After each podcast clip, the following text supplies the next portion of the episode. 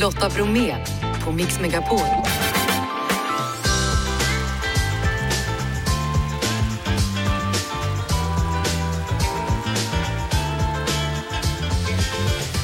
Hallå där och varmt välkommen till oss denna torsdag. I dagens mix, sångerskan Jasmine Kara gästar oss efter 17. Då berättar hon både om sitt dubbelliv och har med sig ny musik. Wagnerledaren död i flygolycka, men var det en olycka? Dabaz minns tillbaka till 00-talet och släpper ny musik. De hör ni efter halv sex. Och dessutom så blir det Bytt bytt, topp fem, Lottas låt och lite gräv i arkivet. Och alldeles strax pratar vi med Michel Tornéus som laddar inför kvällens VM-final i längdhopp. Så killar, är ni redo Jeff? Ja. Janne? Ja, ja, Bulle! Då kör vi då! Hörrni, VM i friidrott pågår ju i Budapest och där fortsätter värmen och i morse så avgjordes den längre gångtävlingen då 35 kilometer för herrar och Perseus, svensken, han blev topp 8 men ingen ny medalj alltså.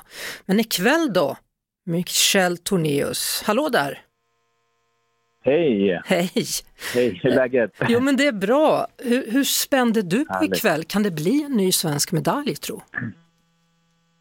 Oj, det kommer nog bli väldigt tufft för Tobias Montell att ta en medalj. Eh, Jag tror i första hand så måste han fokusera på att ta sig till som en topp 8-placering.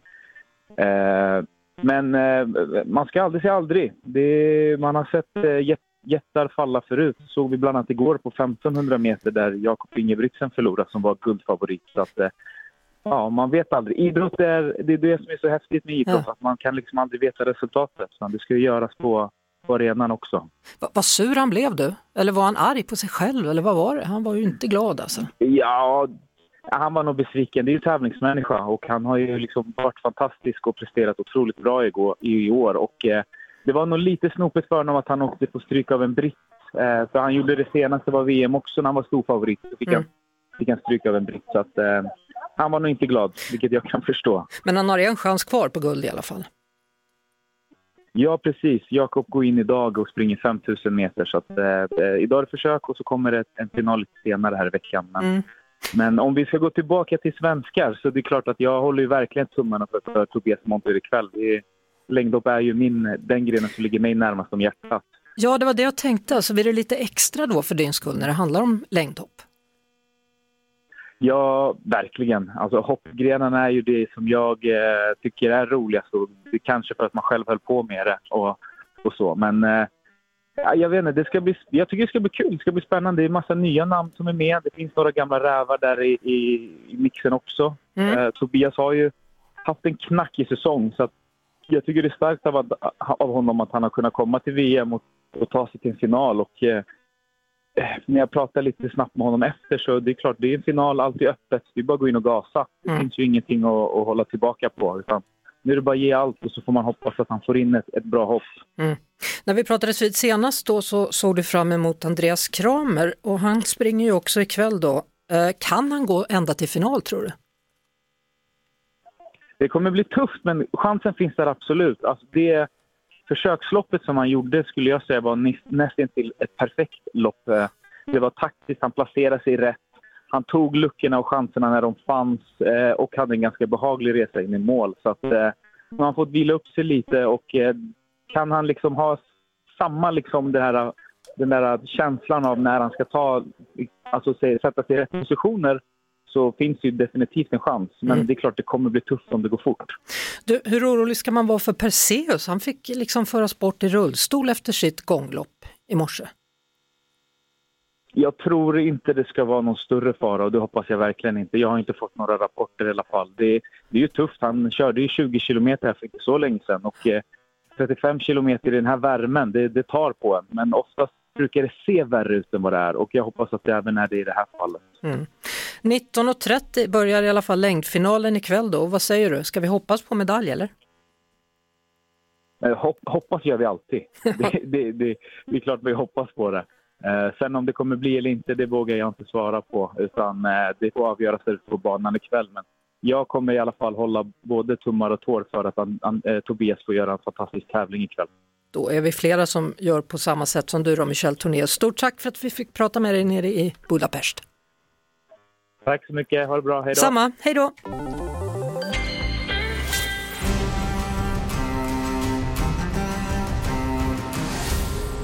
Film och serier. En av mina favoritröster genom musikhistorien det är George Michael.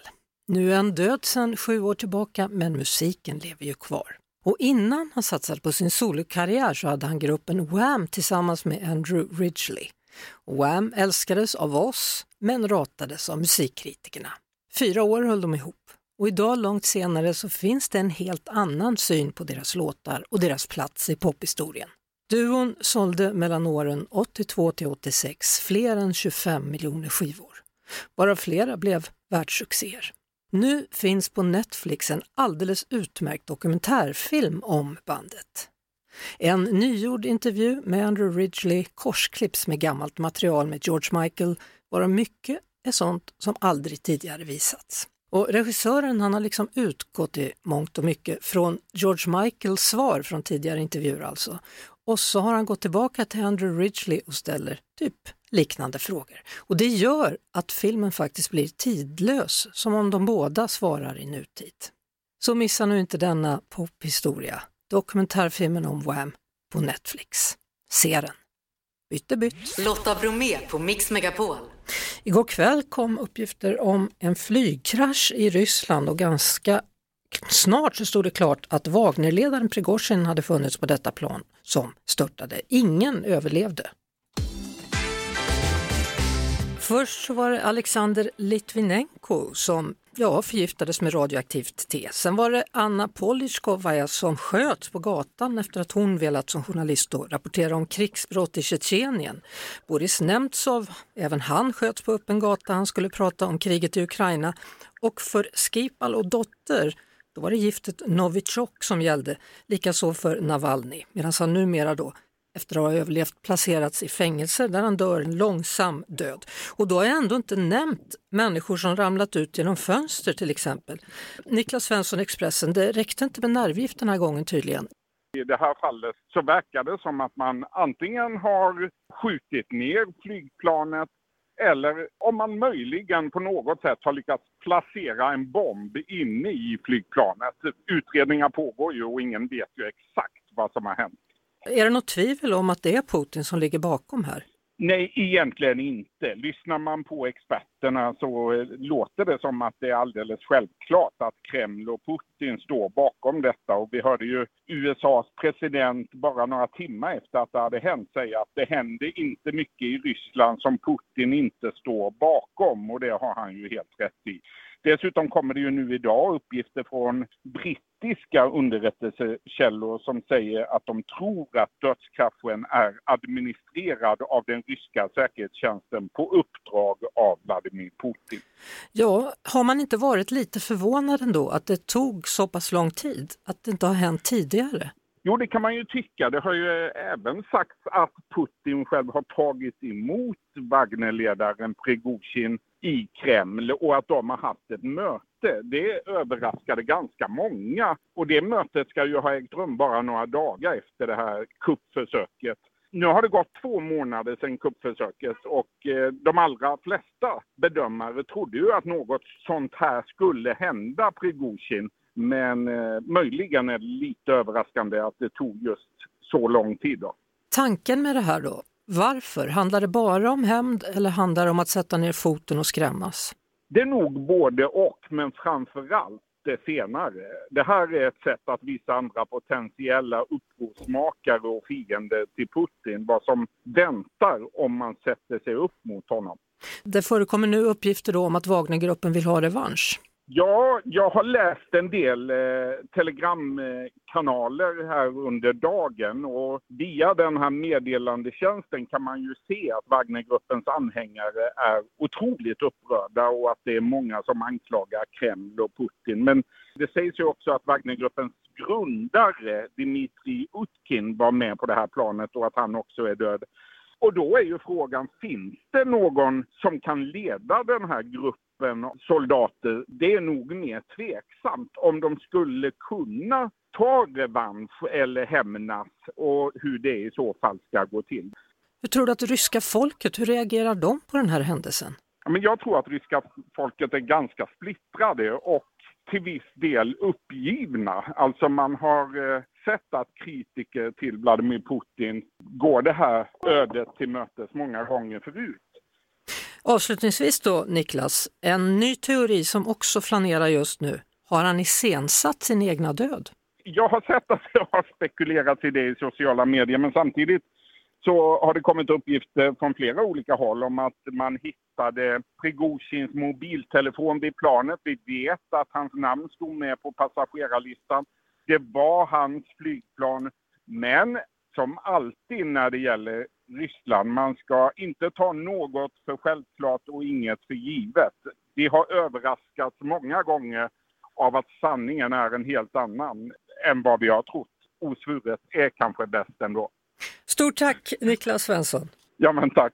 Tack Lotta. Du lyssnar på Lotta Bromé på Mix Megapol. Idag så har vi haft en fråga ute på Mix Megapols Instagram stories. Den frågan lyder, är du lik en kändis?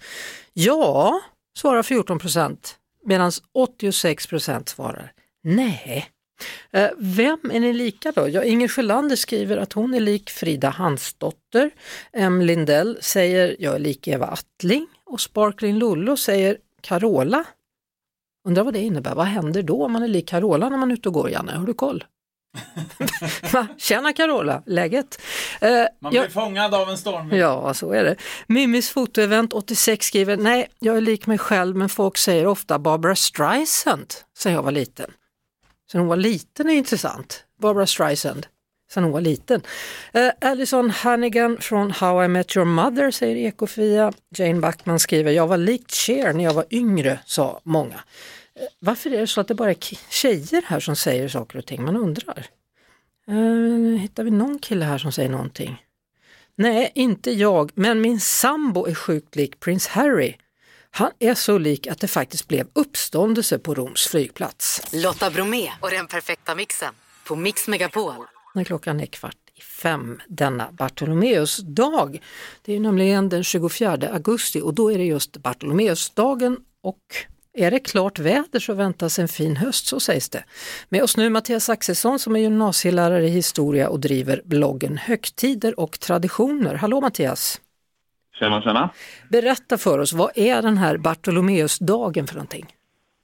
Alltså det är en av alla de här märkesdagarna som vi historiskt har haft i Sverige. Eh, för inte så jättelänge sedan så var ju Sverige ett jordbruksland. Det vill säga att så gott som alla i Sverige levde på jordbruk. Och då var det viktigt att man på året hade olika märkesdagar. När börjar hösten? När ska man skörda? När kan man börja meta? Och alla sådana här grejer. Och då är Bartolomeus, som då var en av Jesus apostlar, en av Jesus lärjungar, hans dag den 24 augusti, det var just en sån här märkesdag för ja, lite olika saker som var knutna till just jordbruket. Ja, så, så vad är det man ska titta efter? Om jag tittar ut från fönstret nu så ser jag att det är lite sol, idag är hyfsat varmt. Är det ett mm. tecken på vad? Ja, det, det, blir, det är tecken på att det kan bli en, att det kan bli en fin höst. Ja. Men det som framför, framförallt är lite jobbigt att tänka sig en sån här dag, det är ju att nu börjar hösten. Det är alltså den första höstdagen vi går in och det är efter den här sommaren som vi haft i år. Så jag känner ju ett visst vemod att tänka mig att nu börjar hösten. Ja, och då tänker jag att jag tänker tolka om det här. Jag tänker tänka att eftersom det är sol idag på den här dagen så kommer det betyda att det kommer bli ännu mera sol resten av hösten. Ja, men jag tänker att vi kan väl tänka så att det kommer bli en riktigt, riktigt god höst. En sån här riktigt varm brittsommarhöst. Att, vi liksom, att det är det vi får. Eh, och att det, liksom, det är det vi ska ta med oss från den här Bartolomeusdagen den 24 augusti 2023. Mm. Hur mycket tycker du annars att bondepraktikan funkar i verkligheten? Nej, alltså det, det är svårt att säga idag. Alltså bondepraktiken, det är mycket hokus pokus i den. Det ska man väl ärligt erkänna. Mm. Men, men, man måste ju komma ihåg det här att när vi var jordbrukare för, alltså som sagt, inte så länge sedan. För mig räcker det, jag går två generationer tillbaka i tiden så har jag, eh, alltså min pappa är uppvuxen på ett jordbruk. Eh, och när det var jordbruket som var det viktiga, då var det superviktigt att ha de här märkesdagarna att när Bartolomeusdagen inföll, då skulle skörden vara bärgad. För efter Bartolomeus då kommer hösten och då blir det kallare och när det blir kallare då kan hela skörden försvinna. Mm. Och för människor då, då alltså skörden det var en fråga om liv eller död. Slog skörden fel, då hade du ingen mat. Du kunde inte gå till någon affär och handla. Utan det var du som skördade din mat. Och lät du skörden ligga för länge och det var för kallt, ja då var du körd. Vet du vad jag känner? Att jag tror att du är en toppenlärare i historia, för det är, det, du, det är ditt jobb, eller hur? Du, du berättar ju på ett sätt som gör att man vill lära sig saker. Säg det till mina elever. Ja, har de inte koll på det så kan du hälsa från mig nästa lektion och bara säga jag var med i radio och de sa att jag är toppen. Ja, jag ska hälsa dem det. Ja, jag kan skriva ett brev till dig också så kan du få ett diplom som du kan rama in. Ja, tack så mycket. Ja, du, du som har koll då Mattias, vilken är den nästa dagen vi ska bry oss om? Alltså den som är den riktigt stora dagen som vi ska bry oss om, den är ungefär om en månad, alltså i slutet på september, för då kommer Mickelsmäss. Och det är den 29 september och det var historiskt en av de viktigaste dagarna på året. Alltså den går att jämföra med, med julfirandet och påskfirandet. Oj. Tyvärr har ju den försvunnit lite ur, ur vårt minne men ring mig igen den 29 september så berättar jag lite om Mickelsmäss. Då bestämmer vi att vi hörs då. Ja. så gör vi. Ha det så bra tills dess. Detsamma. Hej Mattias Hej. Axelsson. Lotta Bromé på Mix Megapol. Dags för mig att presentera vår gäst. Hon har deltagit i Melodifestivalen, stått på Allsångsscenen, släppt flertalet album, tävlat i Let's Dance, skrivit två böcker och skrivit K-pop-hits. Välkommen till Mix Megapol, Jasmine Cara. Tack så mycket.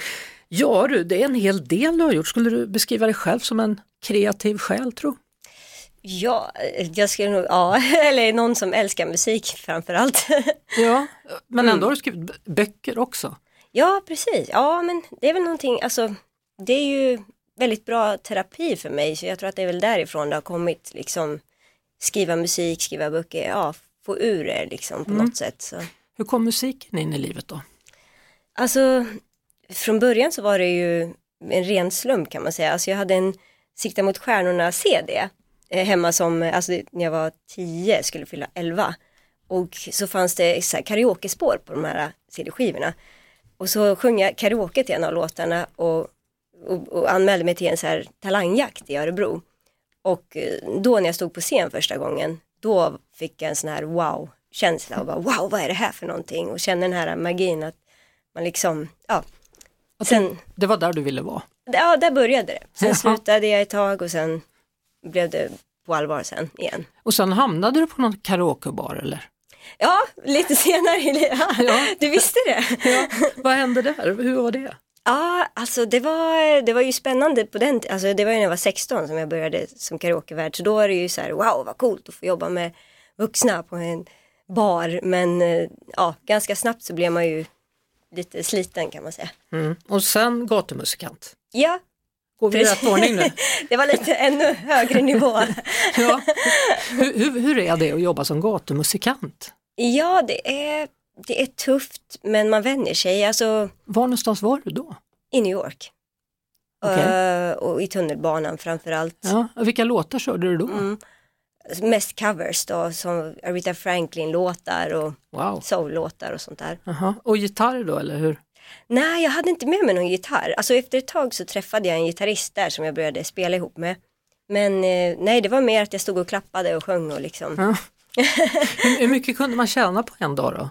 Eh, inte mycket, men jag var inte, jag hade inte ens lagt fram någon hatt eller någonting utan det var ju mer, jag ville ju uppträda mer för att få skivkontrakt på den tiden. Mm. När, Trodde du ja. att det skulle vara lättare att få skivkontrakt i New York än Sverige? Alltså jag, jag trodde nog inte att det var lättare men jag vet inte, det var någonting som bara sa åt mig att jag måste till New York. Det var, jag hade liksom en känsla att jag vill mm. vara där. Var det rätt då? Att hamna där? Ja, det, det tycker jag. Ja. Och sen, ja. sen valde du i alla fall att återvända till Sverige.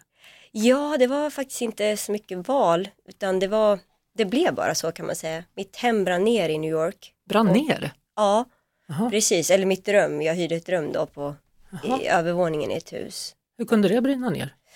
Det var alltså min, eh, eller var en granne som hade sängrökt. Och Oj. Som tyvärr också gick bort i den branden. Mm. Och sen var det ja, tre stycken hus som brann ner.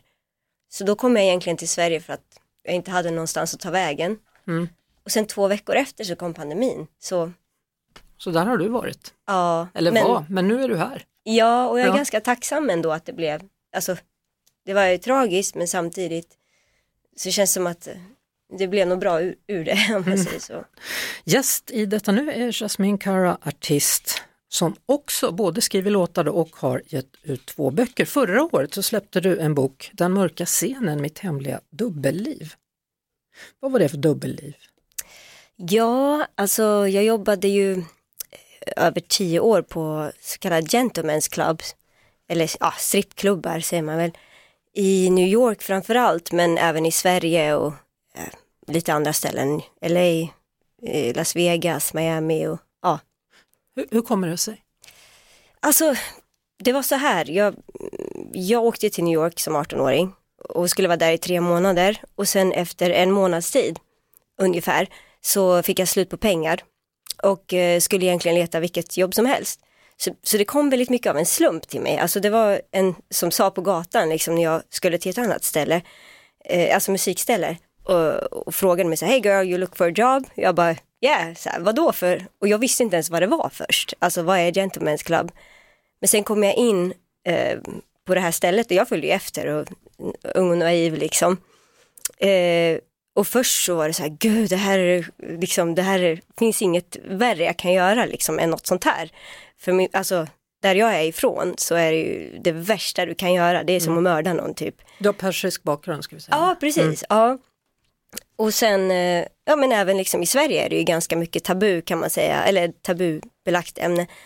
Men samtidigt så var det ju någonting som jag tyckte var så spännande med hela grejen också, att det var så förbjudet och liksom impulsiv som man är och så här kicksökande som framförallt i den åldern så, så blev jag ändå intresserad och bara, men jag, jag kanske ska testa ändå för om ifall jag kan känna så pass bra att jag kan fortsätta göra musik och bo kvar här ett tag och liksom satsa lite längre och ingen vet, alltså för på den tiden var det ju så här, jag kunde inte ens ringa hem med Skype liksom. Mm. Så att eh, så länge ingen visste det så tänkte jag men då kan det vara värt ett försök. Så, så vad, vad, alltså, jag har gjort flera intervjuer med människor som har jobbat på strippklubbar och så. En del säger att de mådde väldigt dåligt, andra säger att det var en otrolig gemenskap. Mm. Uh, hur, hur mådde du? Hur såg du på dig själv? Förändrades bilden av dig själv eller vad hände? Eller förändrades bilden av män när du var där? Eh, alltihop kan jag säga. Ehm, ja men alltså under hela tiden som jag jobbade på de här ställena, då upplevde inte jag att jag gick igenom något traumatiskt alls. Så det var egentligen inte förrän ungefär ett år efter jag hade slutat helt som det kom tillbaks väldigt mycket så här, traumatiska flashbacks, PTSD och sådana saker. Men just i New York-klubben, där var det ju inte, alltså det var väldigt bra liksom de första, vad ska man säga, åren. Mm. Sen var det ju i Sverige som det var absolut värst. Varför då? Det var, skillnaden mellan New York och Sverige var ju att i New York så fanns det en enorm säkerhet. Alltså det var kameror överallt, det fanns vakter överallt och sen också att det är så pass eh, accepterat där. Så att där var det inte så stor grej, det är liksom om vi går ut och tar en bärs och kollar på dans. Liksom. Alltså mm. medans här var det liksom som att kommer man ner där, för det första så hade de, eh, sålde de inte vanliga danser utan det var privata danser i, i en källare, alltså i ett rum i en källare utan säkerhet och inga kameror och ingenting. Du går ner där med en mycket större man än dig eh, som betalar väldigt mycket pengar varav du får nästan ingenting av det. Och eh, det är klart det finns förväntningar och framförallt när då managerna som jobbar på det stället lovar bort någonting till gästen. Som inte och, du vet om? Ja. Som inte vi vet om, mm. precis. Och vi får vetskapen att du ska vara sällskap och dansa. Så att eh, det blir ju såklart väldigt obehagliga situationer. Ja, och sen när du tar dig ur det här då och märker i efterhand, alltså, hur, mm. hur, har du, hur har du bearbetat det hela? För det måste ju ha följt med dig då, du pratar om PTSD, posttraumatiskt stresssyndrom till exempel. Mm. Jag jobbar jättemycket på det. Alltså, Fortfar fortfarande? Alltså, eller? Och nu har det blivit väldigt mycket bättre måste ja. jag säga. Alltså, men från början, alltså det, ja, jag kan knappt ens jämföra med hur det var liksom, i början när jag fick PTSD. Jag trodde ju liksom att män förföljde mig, alltså så sjuk var jag liksom. Mm. Och också det här med att läsa män hela tiden, att åh det här, man går med liksom vetskapen från den här bubblan och tror att så här är det i verkligheten, men så är det ju inte. Liksom, mm. eh, finns ju hur mycket underbara män som helst, bland annat min pappa till exempel. Mm. Men, men när man är i en sån miljö och liksom, då blir det ju väldigt lätt att man, eh, ja, så det har jag fått jobba väldigt mycket på. Mm. Jag antar att musiken har kunnat vara till hjälp? Otrolig hjälp, otrolig hjälp. Mm. Hela tiden skulle jag säga. Alltså jag, jag har tänkt på det, du, du har ju eh, en vit lugg. Ja. Är, är det medvetet det här med liksom dubbellivet, den, det svarta och det vita, eller hur? ja, alltså man kan ju säga att jag är väl ganska svartvit av mig. Alltså inte bara i håret om man säger så. Men just att det är mycket svart och vitt tänk och det finns ju väldigt mycket, vad ska man säga, det finns väldigt mycket mörker men, men också mycket självdistans. Du vet, och mycket att man kan skämta om saker och liksom, ja, Ja, annars går det ju inte att gå vidare, annars orkar man ju inte. nej, Nej. nej, precis. Jag, jag tänkte bara avsluta det vi pratade om, det här destruktiva som du var med i. Mm. Eh, du fick en bra kontakt med dina föräldrar och det var så Mm. du kände att ja, jag kan ta mig ur det där. Ja. Berätta, vad sa de när du berättade sanningen? Mm. Alltså den här skammen åt ju upp mig liksom, och det var ju det som gjorde att till slut jag bestämde att, alltså jag var så rädd att de skulle få veta det här. Så att, men till slut så bestämde jag mig om det enda som jag måste, det enda som kan ta mig ur det här det är att berätta för familjen. Jag klarar inte av att leva med den här skammen längre. Men sen så accepterade ju de mig när jag berättade det här och det var det som gjorde att jag sen vågade sluta. För då helt plötsligt så kändes det, oj, de accepterar mig trots det här. Nu vill jag inte svika dem igen. Gud vad ni måste ha gråtit vid det tillfället känner jag. Ah, Jag grät. Min pappa var helt tyst. Ja, och din mamma, Till en början. Ja, jo mamma också. Ja. Mm. men ändå stort, alltså, att ni kunde mötas i det och att du kunde gå vidare med hjälp Ja. av dem. Jag, jag hoppas att flera föräldrar och barn kan liksom våga prata med varandra. För ofta så är det inte så illa som man tror när man väl, Mm. liksom, och det hjälper så mycket att kunna vara öppen och liksom, Har, har du fortfarande kontakt med någon av övriga tjejer som jobbade på de där klubbarna? ja allihop. Ja. Ja, alla som vi var nära, ja vi är som systrar. Så. Men har de valt att gå vidare i sina liv eller är de kvar? Uh, nej, alltså de, några tyvärr gick det ju inte så jättebra för, för många gick, alltså det var ju mycket droger och så. Mm. Men de som vi har kontakt med, alla har gått helt olika vägar vilket är rätt kul. Så en liksom har blivit church lady och en eh, barnvakt och jag gör musik och ja. läkare och Apropå läkare också. en läkare också. Oj, ja. vad folk håller på. eh, I ditt fall då, eh, helt album på svenska då, hur har det varit att göra det? Ja, det var jättehäftigt faktiskt. För just när man sjunger på svenska, det blir en helt annan känsla. Det, var, det blir så naket på något sätt. På något sätt. Så att ja, det kändes otroligt starkt. Så till exempel när jag sjöng Ta mitt hjärta som är en av låtarna på albumet, då så höll jag på att gråta liksom, i studion för att det blev så nära. Mm. Så, ja, Ja. speciellt. Då får vi se då. Framtiden, är det mer låtskriveri eller mer sång eller hur, hur, hur Ja. tänker du? Alltid, tills jag dör. Tills du dör. Ja, det Hålla på ett tag till, då blir det många låtar. Stort tack för att du kom hit. Tack Jasmine Cara. själv. Du lyssnar på Lotta Bromé på Mix Megapol. Jag säger välkommen Dabaz, Annika Törnqvist och Per Lidén. Ja, hej, tack. Tusen tack. Ni firar 25-årsjubileum med Dabaz och är både turné och albumsaktuella då. Eh, om, vi, om vi tänker så här lite perspektiv, vad är största skillnaden idag från när ni startade i Karlstad precis innan millennieskiftet? Mm, ja, nej, men nu har vi ju erfarenhet, så kan man väl säga. Nu är vi liksom lite mer avslappnade kanske. Eh, då hade vi, ja, vi har mycket energi nu också, men då var vi liksom helt spattiga. Nu kanske vi är lite, lite lugnare. Ja, mellan år 2000 då och 2005 så var ni ju en av de mest spelade grupperna, artisterna på svensk radio med flera topplistehits. Hur var genombrottet Per? Ja, men det var fantastiskt. Jag kommer ihåg första gången vi hörde oss på radio.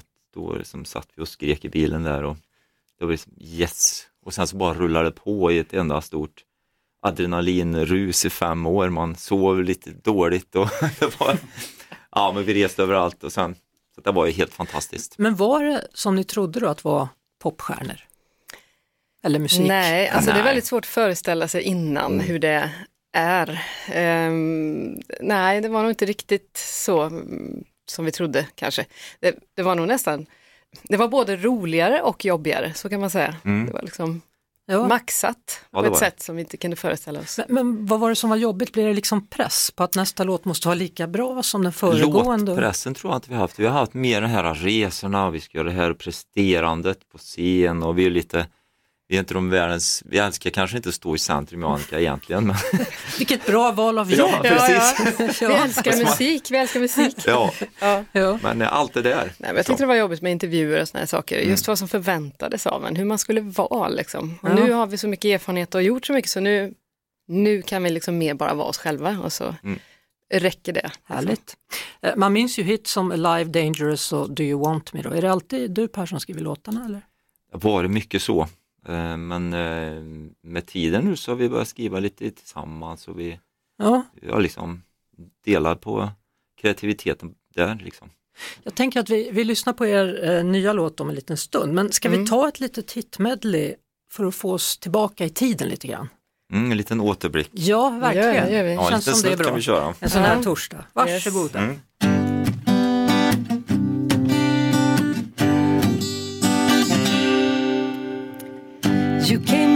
Everyone turned around just to see your beautiful face.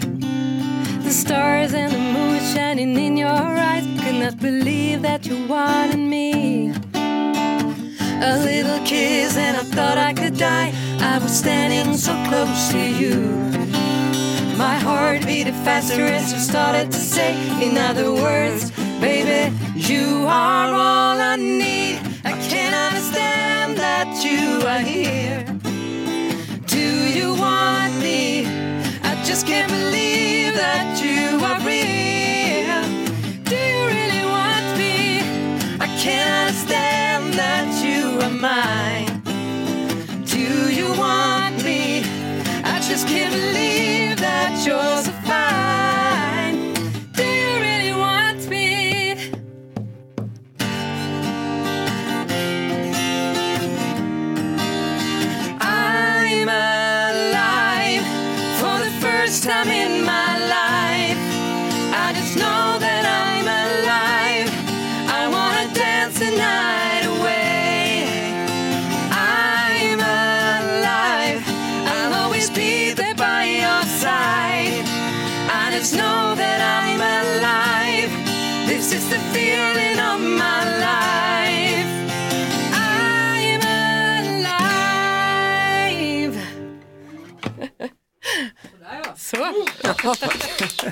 Alltså det är alltid så roligt när artister kommer och kan sjunga på riktigt. Jag är bäst jag vet.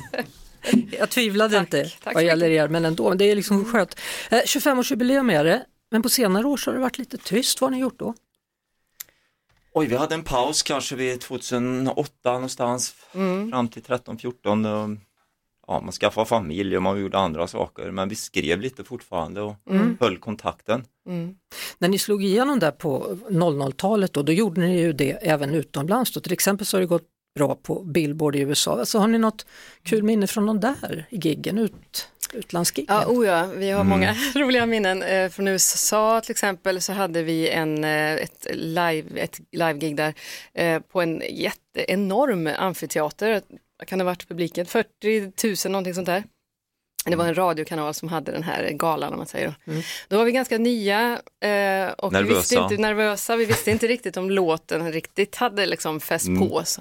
Eh, så vi skulle testa, eh, vi pratade om att vi skulle testa ett allsångsparti i början. Att jag skulle bara sjunga Let me love you tonight. Så skulle publiken få sjunga resterande. Men vi var lite sådär, uh, uh, uh, vågar vi, vågar vi, vågar vi? Och så bara, ja vi gör det. Och så gjorde vi det och publiken sjöng med.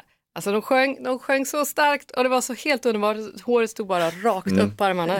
Det var sån där enormt moment liksom som man Jag, jag ryser av att du berättar det, så, att, Ja. så det, jag fattar det. Så Ja, det vilket var- gensvar, bara så wow. Ja, det var Ja, lite, det är så det var overkligt häftigt att komma från lilla Sverige och så Från folk Karlstad. lyssnar. Ja, Från från, Karlstad, Karlstad, till New New York. Ja.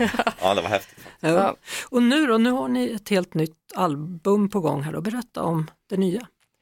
Vi har liksom hittat tillbaka, eh, vi har fått inspirationen den som vi hade då, den känns som vi har nu också. Det är det som är så sjukt efter alla år. Så vi har eh, gjort ett album med mycket av eh, den samma typ av känsla, upplyftande och Och, och soundet då, är det samma? Ja, men vi har faktiskt också där gått tillbaks till eh, en producent som vi jobbar med i början. Så att, eh, det bidrar ju till att soundet är, man kan känna igen sig även om det är lite modernare. Men Ja, ni har ju släppt ett par singlar då och imorgon så ska ni släppa ännu en då som heter My Life och den ska vi premiärspela nu. Ja. Är det något ni vill säga om låten eller ska vi bara köra? en låt vi älskar, vi hoppas ni gör det också. Så är det. ja, det var gammalt bass-sound. Visst var det? Härliga grejer. eh, ja, alltså det känns ju då lite grann i alla fall musikaliskt som att ni håller kvar den här stilen från 00-talet. Eh, och det så kallade Y2K-modet är ju modernt igen. Låga jeans, korta toppar, minikjolar och chunky sneakers. Oj, oj, oj. Så då vet ni vad ni ska ha för scenkläder. Ja, på oss. Ja. Jag tänkte jag ska göra ett litet millennietest här, ett Y2K-test med vad ni minns från år 2000. Är det okej? Kul. Mm. Då kör vi. Vad står Y2K för som det pratades om inför millenniumskiftet? W2K. Mm. W2K. Y står för English. Nej, Year. Year. Ja. Och 2K, vad kan det vara? ja, 2000. Precis, två kilo, 2000. Två kilo. Ja, bra, då klarar ni den hyfsat bra med lite hjälp. Eh, Vem var det som vann Mellon år 2000? År 2000. Vi var med 2003. Så det var inte Det ni var då? inte Nej. vi. Nej. Vi vann inte heller. Var När någon som var- höll på att viska och Oj, oj, oj. lekte indian på scen kan man säga. Oj, pontare. Ja, när vindarna viskar mitt namn var det som vann. Vad kostar en biobiljett år 2000? Oh, vad kan det kosta? 70 kronor. 90. Nej. 70 kronor ja. Oj, Du gjorde sa jag. det, eller hur? Ja. det är rätt. Det är Okej. faktiskt rätt. Och vad blev årets julklapp år 2000? Bakmaskinen. Nej. Nej, DVD-spelaren. DVD-spelaren. Ja. Ja. Och sista frågan då, vem var vår statsminister? 2000. Göran Persson va? Det är rätt. Mm. Jag hade en ledtråd där annars, det var inte Fredrik Reinfeldt. Annars är, det ju så att han har ju haft er och har er som, som eh, sitt favoritband. Har ni någonsin fått träffa honom? Eller? Ja, Ja, flera har vi. gånger. Ja. Jaha. Han hör av sig, kan ni komma hem och spela lite? Jag är Ja, sugen. visst. Nu vill jag ha lite musik här. Ja. Ja. Mm. Mm. Ni är ju från Karlstad då och fick en stadsbuss uppkallad efter er för ett antal år sedan. Men, men eh, det är ju inte det som Dabuzz egentligen står för. Alltså buss, vad, vad betyder namnet? Det är ju det ultimata ryktet eller buzz. Mm. som Surret. folk surret. Mm. Har ni åkt med bussen då eller? Ja, Ja, Har du gjort det Per? Jag har åkt med bussen på premiärturen. Ja, hur, ja bara då. Jag tror jag har klippt ett band. Så du eller- fick åka med det? Jag fick Ja. inte. Jaha, här ser man. Ja, Men det- börjar bli en schism här Den kanske mellan finns oss. kvar eller? Den åker omkring där. Ja, så du kan åka upp Ja, och köra med. Det finns, det finns tid. Ja. Det finns tid att göra det. Ni har spelat en del i sommar då och fortsätter med turné även i höst här. Imorgon spelar ni i Sandviken och sen så har ni ytterligare 11 stopp och avslutar i Örebro 8 december. Mm. Ja, Ingen vi dålig kör på. turné Det är alltså. en Det är ingen dålig turné. ständigt pågående turné. Härligt! Ja, Mm. det är superkul att utspela, verkligen. Då önskar jag er stor lycka till på den då. Och eh, Annika Törnqvist och Per Lidén, Dabbaz, stort tack för att ni kom. Ja, tack. Tack så mycket. Du lyssnar på Lotta Bromé på Mix Megapol. Vi är tillbaka imorgon igen och vi är Lotta, Jeanette och Janne samt vår producent Jeff Neumann. Och imorgon då är det ju fredag, då är det fredagshäng med Filip Horn, ni vet kocken, Bingo Rimér, fotografen och Julia Fransén. Vi hörs då, hej! Ett poddtips från Podplay. I fallen jag aldrig glömmer djupdyker Hasse Aro i arbetet bakom några av Sveriges mest uppseendeväckande brottsutredningar. Går vi in med hemlig telefonavlyssning och, och då upplever vi att vi får en total förändring av hans beteende. Vad är det som händer nu? Vem är det som läcker? Och så säger han att jag är kriminell, jag har varit kriminell i hela mitt liv men att mörda ett barn, där går min gräns. Nya säsongen av Fallen jag aldrig glömmer på Podplay.